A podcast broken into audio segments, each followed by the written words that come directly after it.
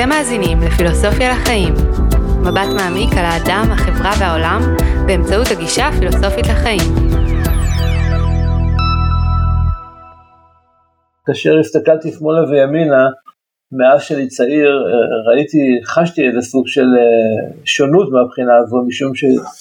תמיד עניין, עניינו אותי עניינים שאני חשבתי שהם מאוד מהותיים, שאלות כמו מה זה החיים האלה, איך הם התחילו, מי אני, מה אני עושה בחיים האלה, מה הכיוון של החיים האלה. שאלות שהן שאלות פילוסופיות קלאסיות שעוסקות בחופש, יש לי חופש, אין לי חופש, יש אלוהים, אין אלוהים. וכאשר שיתפתי את הסובבים אותי, חברים וקרובים שהיו לידי, שהייתי נער או קצת יותר מזה, התגובות היו תמיד תגובות כאלה של בין, או זה מעניין, ועד כאשר חוו את זה שזה שאלות רציניות בשבילי, מה אתה מתפלסף? או תקרא ספר ותרגיע את עצמך, או מה שזה לא יהיה. היי, אני רן לוינשטיין, ואתם מאזינים לפילוסופיה לחיים, פודקאסט מבית אקרופוליס החדשה, בית ספר לפילוסופיה כדרך חיים. אנחנו שמחים ונרגשים לעלות לאוויר עם הפודקאסט הראשון שלנו, ולהביא את רוח הפילוסופיה אליכם הביתה. את הפרק הראשון בחרנו להקדיש לנושא האם הפילוסופיה היא דבר פרקטי. האם היא רלוונטית לחיי היומיום שלנו במאה ה-21, ועל אחת כמה וכמה בתקופות משבר, כמו התקופה בה אנו נמצאים כעת. והיום נמצא איתנו רונן חלבי, מנהל אקרופוליס החדשה בישראל. שלום רונן. שלום רן. לפי מה שאתה מעיד על עצמך, הרומן שלך עם שאלות פילוסופיות ופילוסופיה בכלל התחיל בגיל צעיר. תוכל לספר לנו על זה קצת? כן, בשמחה. בשנות ה-20 שלי החלטתי להתייחס ברצינות לשאלות שהעסיקו אותי. התחלתי מפסיכולוגיה דווקא, מתוך איזה ניסיון להבין את האדם, זה ריתק אותי, מה, מה זה האדם הזה, איך הוא פועל, מה המנגנונים שלו. ובאיזשהו שלב הבנתי שהעיסוק באדם ובפסיכולוגיה הוא מוגבל, אין שם את כל השאלות, וכדי להרחיב את המבט צריך לעבור לפילוסופיה, וזה מה שהתחלתי לעשות. אז בשנות ה-20 שלי, שהייתי אחרי צבא, 23, 4, אמרתי לעצמי זה מה שאני עושה, אני הולך לברר את השאלה הזו עד תום, ובניתי לי חיים שהם היו סביב הפילוסופיה, כלומר נרשמתי ללימודי פילוסופיה, כללית ופילוסופיה יהודית, ואחרי שנתיים וחצי החלטתי אה, להפסיק את הלימודים שלי. זו הייתה החלטה לא פשוטה, משום שלא לא ראיתי משהו אחר שאני יכול לעשות, הלכתי ללמוד כדי באמת לקבל תשובות שבשבילי היו חיוניות להמשך העיצוב של החיים שלי, אבל החלטתי לעזוב כי הבנתי ש... אני לא מקבל את התשובות האלה. ואני לא מצאתי את זה באוניברסיטה. את ההתייחסות האינטימית הזו, את, ה, את הקשר הזה של אה, בשאלה האם יש אלוהים או לא, היא לא רק שאלה תיאורטית, אלא שאלה שקשורה אליי, שזה חיוני בשבילי וגורלי כדי להבין אם יש אלוהים או אין אלוהים, או אם, יש, אם, אם ברור לנו מה הייעוד של האדם בעולם הזה, כן או לא. אם האדם הוא רק גוף חומרי או שיש יותר מזה וכולי וכולי. לא היו הרבה מרצים שבחרו להדגיש את החיבור של הפילוסופיה לחיים. אז עזבתי את זה. והייתה איזו תקופה כזו של די, של מבוכה, אני קורא לה. האם באיזשהו שלב עלתה גם השאלה של חיים דתיים, של חיפוש אחר התשובה בדת? הדרך של לחזור לתשובה לא הייתה בשבילי רלוונטית, משום ש... זו הצעה שפגשתי עוד בצעירותי, איכשהו הגעתי לזה לא פעם ולא פעמיים, ותמיד נתקעתי על הנקודה הזו שהיא לכאורה נקודה קטנה, אבל בשבילי הייתה גדולה, שהיהדות היא רק בשביל היהודים. אז איך המשכת מאותו רגע של מבוכה?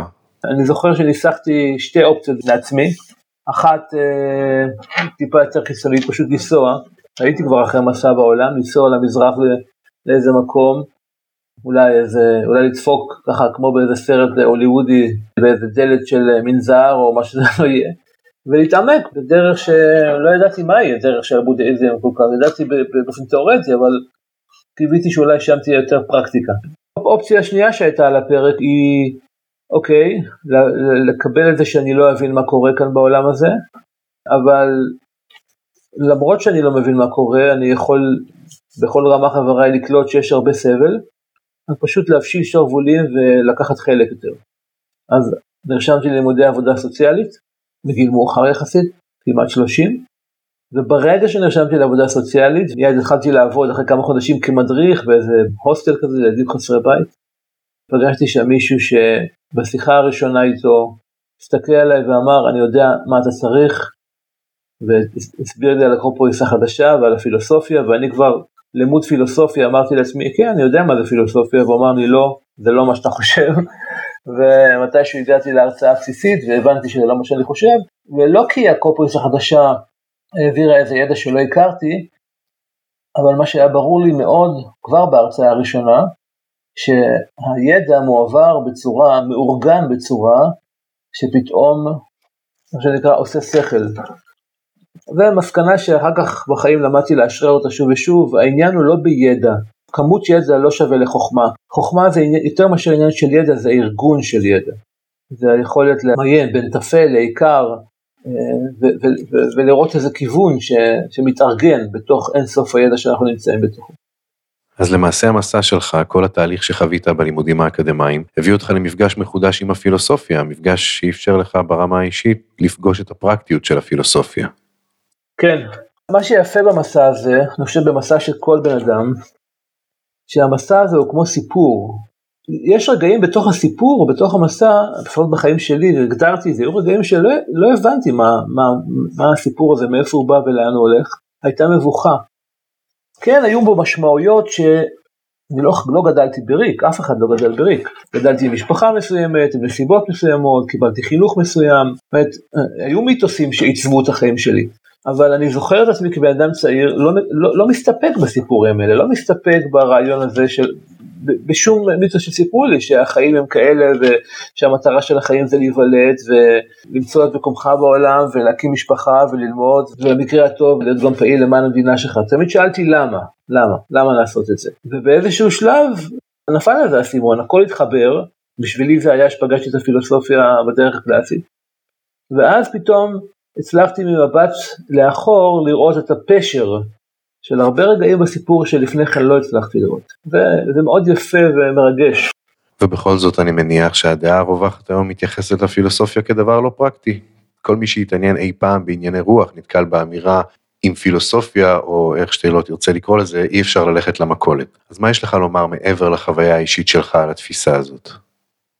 אם אנחנו מתייחסים על החיים ברמה הנראית שלהם, בפשט שלהם מה שנקרא, ואם אנחנו מתייחסים אל, אל האדם למשל, אה, כאל יצור שהוא בעיקר אה, יצור שיש לו גוף ונפש, שהוא כדי לחיות הוא צריך אה, מזון והוא צריך אמצעים והוא צריך, במיוחד בעולם המודרני, הוא צריך כסף, הוא צריך לקלקל את עצמו וכולי וכולי, אז זה ברור שהעיסוק שלו חייב לכלול גם זמן מסוים שהוא משקיע כדי לקיים את כל הדברים האלה, כדי לקיים את ההישרדות הזאת.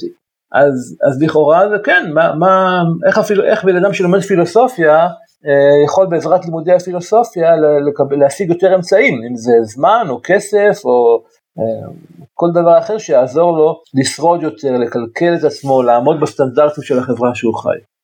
אפשר להגיד כן, אם הוא יעשה, אם הוא יהיה, לא יודע, פרופסור באוניברסיטה, אם הוא ילמד פה ושם ויעביר חוגים, אבל כמובן שאנחנו מדברים על מי שעושה את זה, זה אחוז אה, מזערי ובטל בשישי מה שנקרא, וברור שזה לא הסיבה ללכת ללמוד פילוסופיה.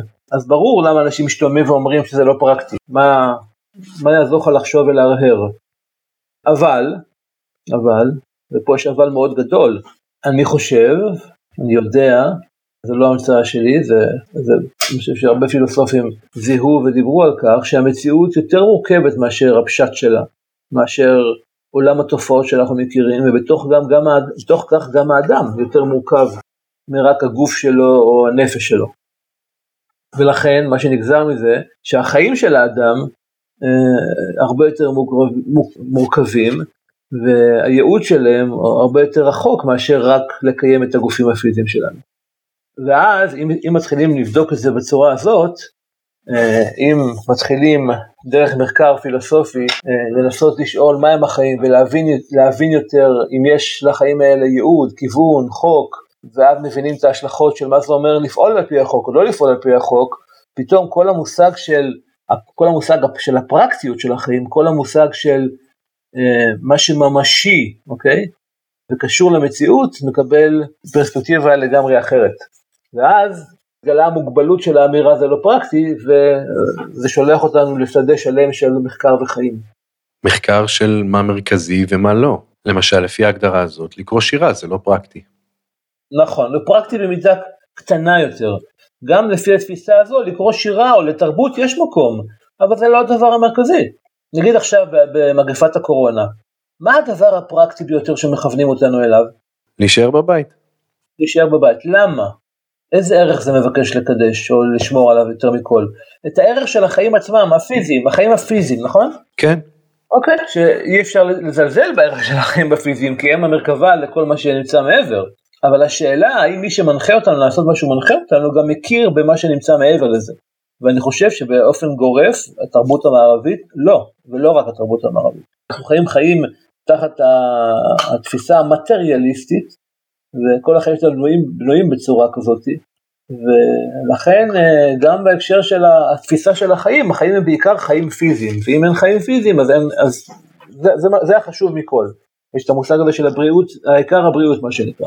בריאות זה דבר חשוב, אבל יכול להיות שלא מספיק, תנאי הכרחי אבל לא מספיק. אה, וזה מגלים בפילוסופיה, זה בדיוק העניין. הפילוסופיה עוזרת לאדם לגלות את זה.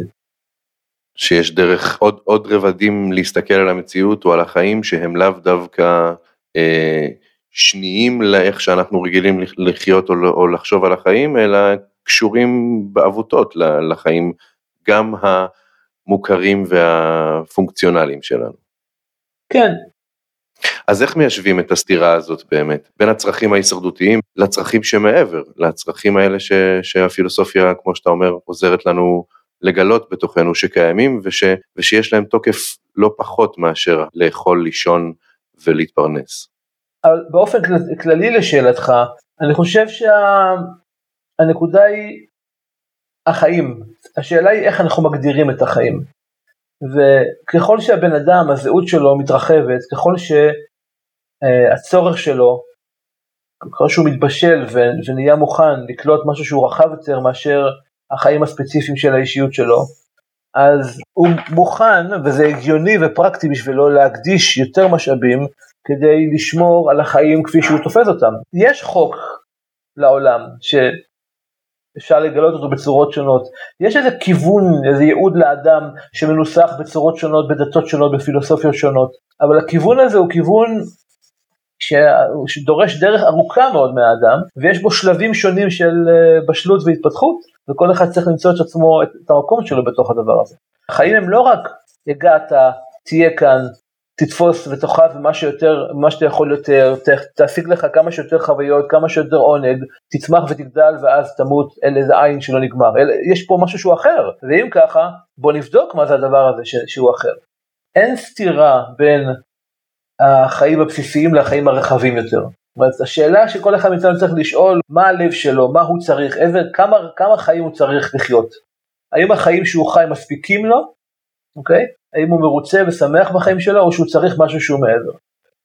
אז אתה מבין רן, זה עניין של, אה, של מי אתה ומה הצרכים שלך, וכל אחד צריך אה, להיות מסוגל להחליט בעצמו מה הוא ומי הוא ומה הוא צריך, ולהיות נאמן לעצמו, זה שלב מאוד מאוד חשוב בגילוי העצמי של, של האדם. אוקיי, okay. ומה ההשלכות של זה על המעגל הרחב יותר, למשל החברה? משום שהאדם הוא יצור חברתי, בדרך הפילוסופית מגלים מהר מאוד, אה, כמו המאמר היהודי שמדבר על אם אין אני לי מי לי, וכשאני לעצמי מה אני, ואם לא עכשיו אימתי, האמירה הזו מתארת מאוד יפה את השלבים של הפילוסופיה. השלב הראשון אם אין אני מי לי זה השלב של ההתעוררות, זה שלב, שלב של שאלת הטלת ספק, שאלה וכולי וכולי, שקשור בעצמי ובחיים שלי, אבל ככל שמתקדמים בשלב הזה, לא הרבה, ממש מתחילים להתעסק בו, קולטים את מה שבודה הגדיר שאחת מהאשליות הגדולות של הקיום זה אשליה של הנפרדות. אני לא באמת יכול לחיות חיים נפרדים, אני לא באמת יכול להגיע לשיאי ולאושר בלי האחרים. האחרים הם אני, אנחנו קשורים אחד לשני. עכשיו, למה אני אומר את זה? משום שלחיים פילוסופיים יש השלכות על הקהילה שאני חי בתוכה. ולחיים שהם אינם פילוסופיים, לחיים שלא לוקחים בחשבון את החוקים של העולם, שלא מנסים לחיות את החוקים של העולם. יש השלכות, אתה מסתכל על העולם שאנחנו חיים בו היום, עוד לפני המגפה, גם לפני המגפה, יש הרבה מאוד תוצאות שאנחנו מקבלים על מעשים שעשינו כחברה, שהם לא, שהם לא הגיוניים, שהם לא קשורים לחיי, לח, לחוקים של הקיום, שהם מעוותים במובן הזה שהם מוציאים את האדם מהסדר העולמי, מן המקום שלו בטבע, שתופסים את הטבע כמו מקום שהוא צריך, שהוא פשוט משאב אינסופי לנצל אותו, ולא משהו שאנחנו חלק ממנו. ואז אנחנו מגיעים לכל מיני תופעות של אה, בעיות אקולוגיות, בעיות של חלוקת משאבים בבני אדם, חוסר צדק. תחשוב על המצב המעוות הזה, שמעתי פעם מישהו מגדיר את זה לא מזמן בצורה יפה, היום בעולם חצי מן העולם מת מעודף מזון וחצי מחוסר מזון. כל האתגרים האלה של הארגון של העולם שלנו הם לגמרי קשורים, מתחילים באדם הפרטי, מתחילים באין סוף האנשים ובאיזה מקום הם נמצאים. אה, אז לכן המהלך של הפילוסופיה הוא הרבה יותר ממהלך של להגיע לישועה עצמית, הוא מהלך שקשור לעולם ולמקום של האדם בעולם. אם אבקש ממך לסכם בקצרה את מה שדיברת עליו עד עכשיו, אני יודע שזה מאתגר, איך היית מסכם זאת? ואני חושב שמעבר לכל אה, מחשבה, מה, ש, מה שאני רוצה להגיד לאנשים בעצם זה פרקטי זה להטיל ספק, פרקטי זה לנסות לחשוב בעצמי, פרקטי זה אה, להקשיב, האם אני שומע, יש איזה קול פנימי בתוכי שאומר לי משהו על, על איך אני חי את החיים. אה, פרקטי זה להיות, לנסות להיות נאמן לעצמי, ללכת עם מה שהלב מבקש ממני. פרקטי זה לא לקבל את הכל כמובן מאליו. אני חושב שיש אנשים מסוימים באוכלוסייה שאם ישאלו את השאלות האלה, אה, יגלו שהם לא עוסקים בדברים שהם הכי פרקטיים בחיים שלהם. ואז אני רוצה להגיד להם, אתם לא לבד, יש פילוסופיה, ותמיד יש פילוסופים, ותמיד היו פילוסופים, ואתם יכולים לפתח את הפרקטיות הזאתי לא, לא לבד. דיברנו עד כה רבות על החיים, חיים בכלל, חיים פילוסופיים בפרט, האם הפילוסופיה פרקטית בחיים? מה לגבי המוות? האם יש משהו שתוכל לומר באשר למוות או לפרקטיות של הפילוסופיה בשאלת המוות? קודם כל זה מזכיר לי איזה אנקדוטה מסוימת על אה, איש בן 97, פילוסוף אמריקאי, שמישהו צלם אותו, מדבר על החיים שלו בצל המוות, הוא בן 97 והוא, הולך, והוא עומד למות. זאת עובדה, הוא מסתכל עליה באומץ, הוא יודע שהוא הולך למות והוא משתף מה עובר עליו. עכשיו, זה שיתוף לא רגיל, ולא רק בן אדם בן 97, זה בן אדם בן 97 שהיה חי כפילוסוף, ושאפילו כתב ספר על הנושא הזה של מוות. והוא אומר שבספר הזה, בצעירותו, הוא כתב על המוות מתוך מחשבות רציונליות שהיו עליו, והטיעון העיקש המרכזי שהיה בספר הזה אמר משהו כמו, המוות הוא סוג של אין, ומכיוון שהוא סוג של אין, אין מה להתעסק בו ואין מה לפחד ממנו כי הוא אין. ובהיותו בן 97, יושב בתוך הגוף, המרכבה שלו, שהיא כבר זקנה וחסרה וחולה, אבל המוח שלו עדיין צלול ועובד, מדהים, החוויה הזו מדהימה. הוא אומר שהוא חושב שהוא טעה במה שהוא כתב בספר הזה. כי כרגע הוא בן 97 והוא לפני המוות כאמור, והוא לא יכול להתייחס אל המוות רק כאין, והוא לא יכול להיות שקט ואדיש כלפיו. הוא, יודע, הוא מרגיש שהוא לא רוצה למות, הוא מרגיש שהוא מפחד מהמוות, והוא מרגיש שיש שם יותר מאשר, אי אפשר לפתור את הדבר הזה פשוט בזה אין ואין מה לעשות עם זה. ושנייה לאחר מכן יש איזו סצנה שרואים אותו יושב בגן שלו, בגינה, ומסתכל על, ה... יש איזה קלוזאפ על עלים, על העצים שנעים ברוח, באיזה שקט כזה של אחר הצהריים. והוא אומר לעצמו ולמי שמצלם אותו, תראה איזה יופי יש כאן, תראה כמה הטבע יפה, תראה כמה הוא חי, תראה כמה חיים יש מסביב. האם החיים האלה תמיד היו כאן, או שהם רק עכשיו הופיעו? כי אני לא זוכר אותם לפני. כשהייתי צעיר יותר, אני לא זוכר את החיים האלה. ואז הוא אומר בכנות אמיצה מאוד, אני חושב שהם היו לפני, אני פשוט לא איבדתי בהם. לא היה לי את הפנאי, לא הפיזי, המנטלי, להסתכל עליהם. והנה יש לנו דוגמה לאדם שנמצא רגע לפני המוות, והעובדה שהוא הולך למות לא משחררת אותו מפחד או משאלה או מאי רצון למות, אבל כן מוסיפה לו איזה מין איכות, איזה מין רטט של חיים, שלא קיים כאשר אתה לא יודע שאתה הולך למות. שזה קצת מצחיק, כי אנחנו כולנו יודעים שאנחנו הולכים למות. אה, עכשיו אמרת נכון, כולנו יודעים, לא, אנחנו לא יודעים. זה בדיוק מה ש... זה בדיוק ההמלצה שלי, זאת אומרת, אני חושב שברמה, אני חושב שמדי פעם הרהור על העובדה שאנחנו הולכים למות, לא איך נמות ואיך זה ייראה קונקרטית, אלא על המחשבה הזו שאנחנו הולכים אל המוות, הוא הרהור שיכול כאן ועכשיו לעזור לנו לחיות יותר, לחיות יותר. זה מין, מין מסתורי כזה שצריך לזהות אותו. העובדה שאתה אומר כולנו יודעים שאנחנו הולכים למות, כן. כשאנחנו עוצרים לדבר על זה אנחנו יודעים, אבל שנייה אחרי זה מה אנחנו עושים עם זה? מדחיקים את זה. וממשיכים לחיות כאילו יש לנו אינסוף זמן וכאילו אין מוות. לא במקרה רן, כל מיני אנשים שפוגשים משברים גדולים בחיים שלהם, משברים שקשורים במוות ספציפי או בסכנה במוות ספציפי או לא, משברים, הרבה פעמים פוגשים באיזה רטט של חיים, באיזה סוג של דינמיקה, איזה נוכחות של חיים, שלא הייתה להם לפני המשבר הזה. והפגישה הזו זו פגישה שהם לא זימנו, הם נדחקו אליה, החיים דחקו אותם אליהם. כשיש לך משבר באופן אינסטינקטיבי מה אתה רוצה לעשות? לגמור אותו כבר. אתה רוצה לחזור לשגרה. אבל כמה שאתה רוצה לחזור לשגרה, זה ברור מאוד שהרגעים האלה של המשבר נותנים לך איזה סוג של חיוניות ואיזה חוויית חיים שיש בה אלמנטים מרעישים ומפתיעים ביחס לחיים הרגילים שלנו שהם בתוך ההרגל של אזור הנוחות שלנו. במובן הזה מוות, היכולת להתעסק עם מוות היא חיונית, לא, לא, לא, בגלל, לא בגלל איזה סוג של מורבידיות כזו או אחרת. מה גורם את ההכנה הזאת, לכאורה, לא לכאורה, לרגע המוות? היא גורמת לאיזה תוספת איכותית משמעותית ביותר לחוויה של החיים ביום יום, זה הדבר. ציטוט נוסף, מרקוס אורליוס, שאמר משהו כמו חיה את חייך כאילו כל יום אתה עומד למות. אני מאתגר את המאזינים לנו לתרגל את התרגיל הזה. לא כל יום, מדי פעם לחשוב, מחר אני מת, בעוד חודש אני מת. מה זה אומר על החיים שלי? מה זה אומר על מה שאני עושה כאן ועכשיו? האם אני שקט ואומר לעצמי, אוקיי, אני ממשיך את החיים שלי? כי אני מאשרר את כל הבחירות שלי? אמרתי מה שאני רוצה להגיד לכל האנשים, סגרתי מה שאני רוצה לסגור לכל האנשים, אני נמצא איפה שאני נמצא? או שתיפול עליי בהלה ושתגיד משהו כמו, או רגע, זה לא יכול להיות עוד חודש, כי אני עדיין בפיתוח של זה וזה וזה, ופה אני בכלל לא במקום שלי, ואת זה אני רוצה לסדר, ואת אהובתי לא חיבקתי, ועוד אלף ואחד דברים שלא עשיתי.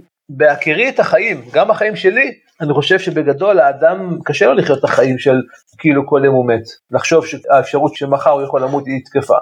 אנחנו חיים את החיים ומדחיקים את הרעיון הזה של המוות, ויש לזה השלכות להדחקה, זה מה שאני אומר, זה לא הדחקה שאין לה השלכות, ההשלכות שלה, שאנחנו מתייחסים אל החיים ואל הזמן כאילו יש לנו אינסוף זמן, וזה גורם לכך שאנחנו לא מצליחים להיות נוכחים כאן ועכשיו, וחוסר הנוכחות הזו, חוסר הערות הזו, במובן מסוים הוא כבר חוסר חיים.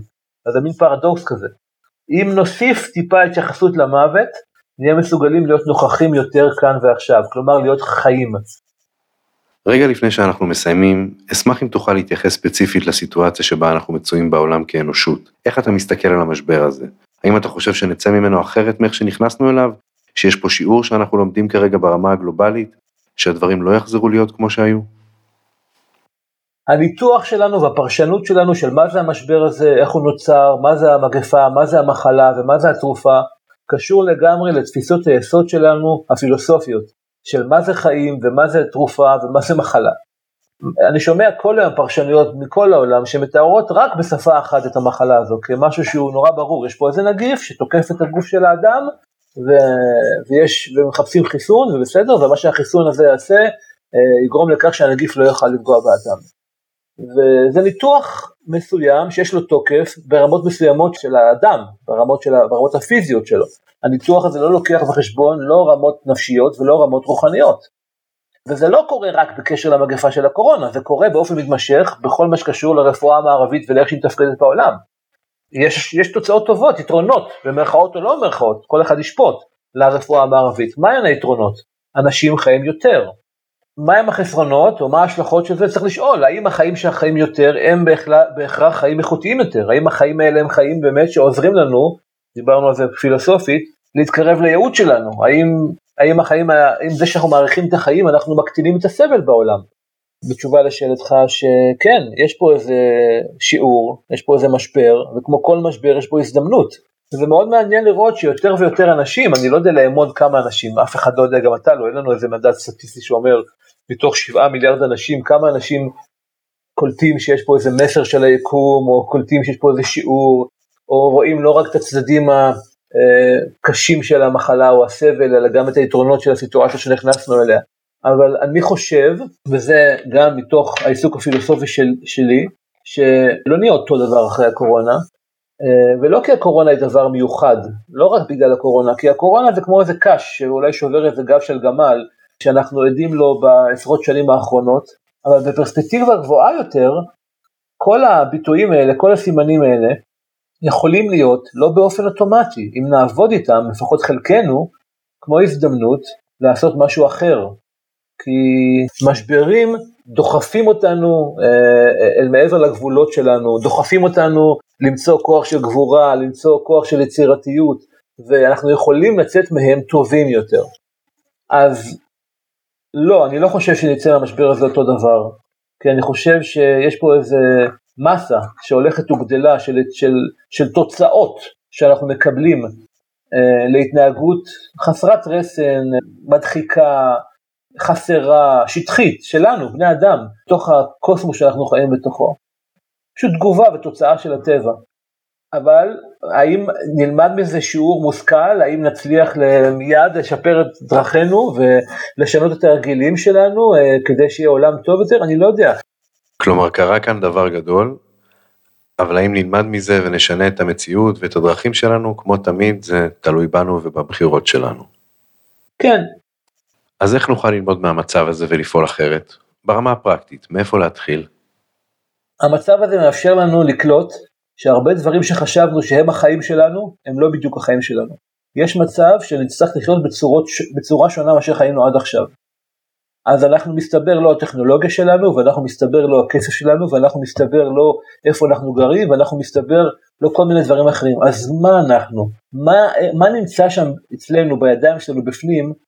מה העצמי הזה ש, שאנחנו, שהוא ההוויה שלנו, שהוא לא נתון להשפעה של, של האלמנטים החיצוניים.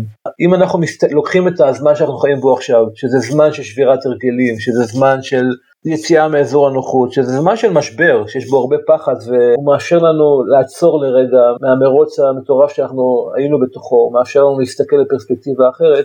אם הייתי צריך להגיד משהו אחד לאדם האינדיבידואל, זה היה במילה שהיא קטנה אבל גדולה, זה תתעורר או להתעורר. יש אמירה שאומרת שבודה, שאלו פעם את בודה מהו המשאב היקר ביותר של הקיום, והוא אמר ערות, ערנות.